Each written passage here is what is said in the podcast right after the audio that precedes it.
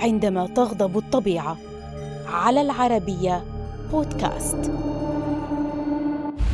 هنا في وسط إيطاليا لا تبدو الحياة فوق الأرض كما هي تحتها. ففيما يقضي الناس أشغالهم ويتمتعون بجمال الطبيعة تخفي جغرافيا المكان علامات وعوامل جعلت منها بؤرة زلزالية تسببت في كوارث عدة على مر التاريخ. كان من أكثرها عنفا زلزال عام 2016 الذي تسبب في مقتل ما يقرب من 300 شخص وألحق أضرارا كبيرة بالبلاد فما قصته؟ في فجر الرابع والعشرين من أغسطس لعام 2016 على بعد نحو 100 ميل شمال شرق روما ضرب زلزال بقوة 6.2 درجة شعر به أهالي جنوب شرق بيروجيا وشمال لاكويلا وكل من أومبريا ولاتسيو وأبروتسو ومارشي. كما قالت تقارير جمعتها هيئة المسح الجيولوجي الأمريكية إن تأثير الزلزال كان محسوسا من الساحل إلى الساحل في وسط إيطاليا وإلى أقصى الشمال حتى بولونيا وجنوبا مثل نابولي.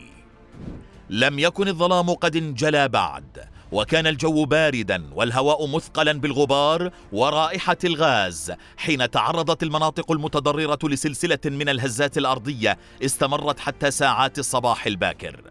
أصاب الهلع السكان والزوار الذين جاءوا لقضاء عطلة الصيف بهدوء.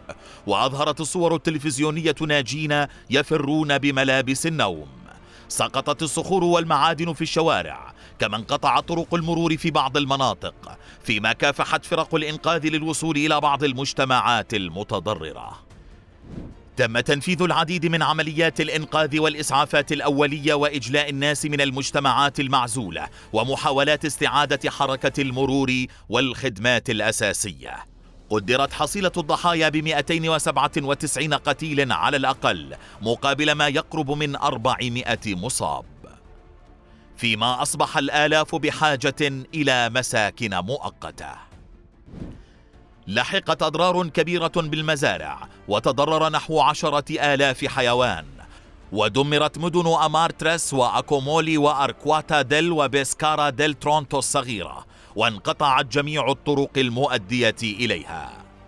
تم إعلان حالة الطوارئ بعد الكارثة ثم مددت بعد الزلازل القوية التي حدثت في السادس والعشرين والثلاثين من أكتوبر ومرة أخرى بعد الصدمات الأربع التي بلغت قوتها في الخامس وفي الثامن عشر من يناير ما زاد من أعباء الحكومة الإيطالية. قدرت الأضرار في مباني الدولة بنحو مليار ومائة مليون دولار مقابل 12 مليارا و900 مليون يورو لأضرار المباني المملوكة من السكان والقطاع الخاص.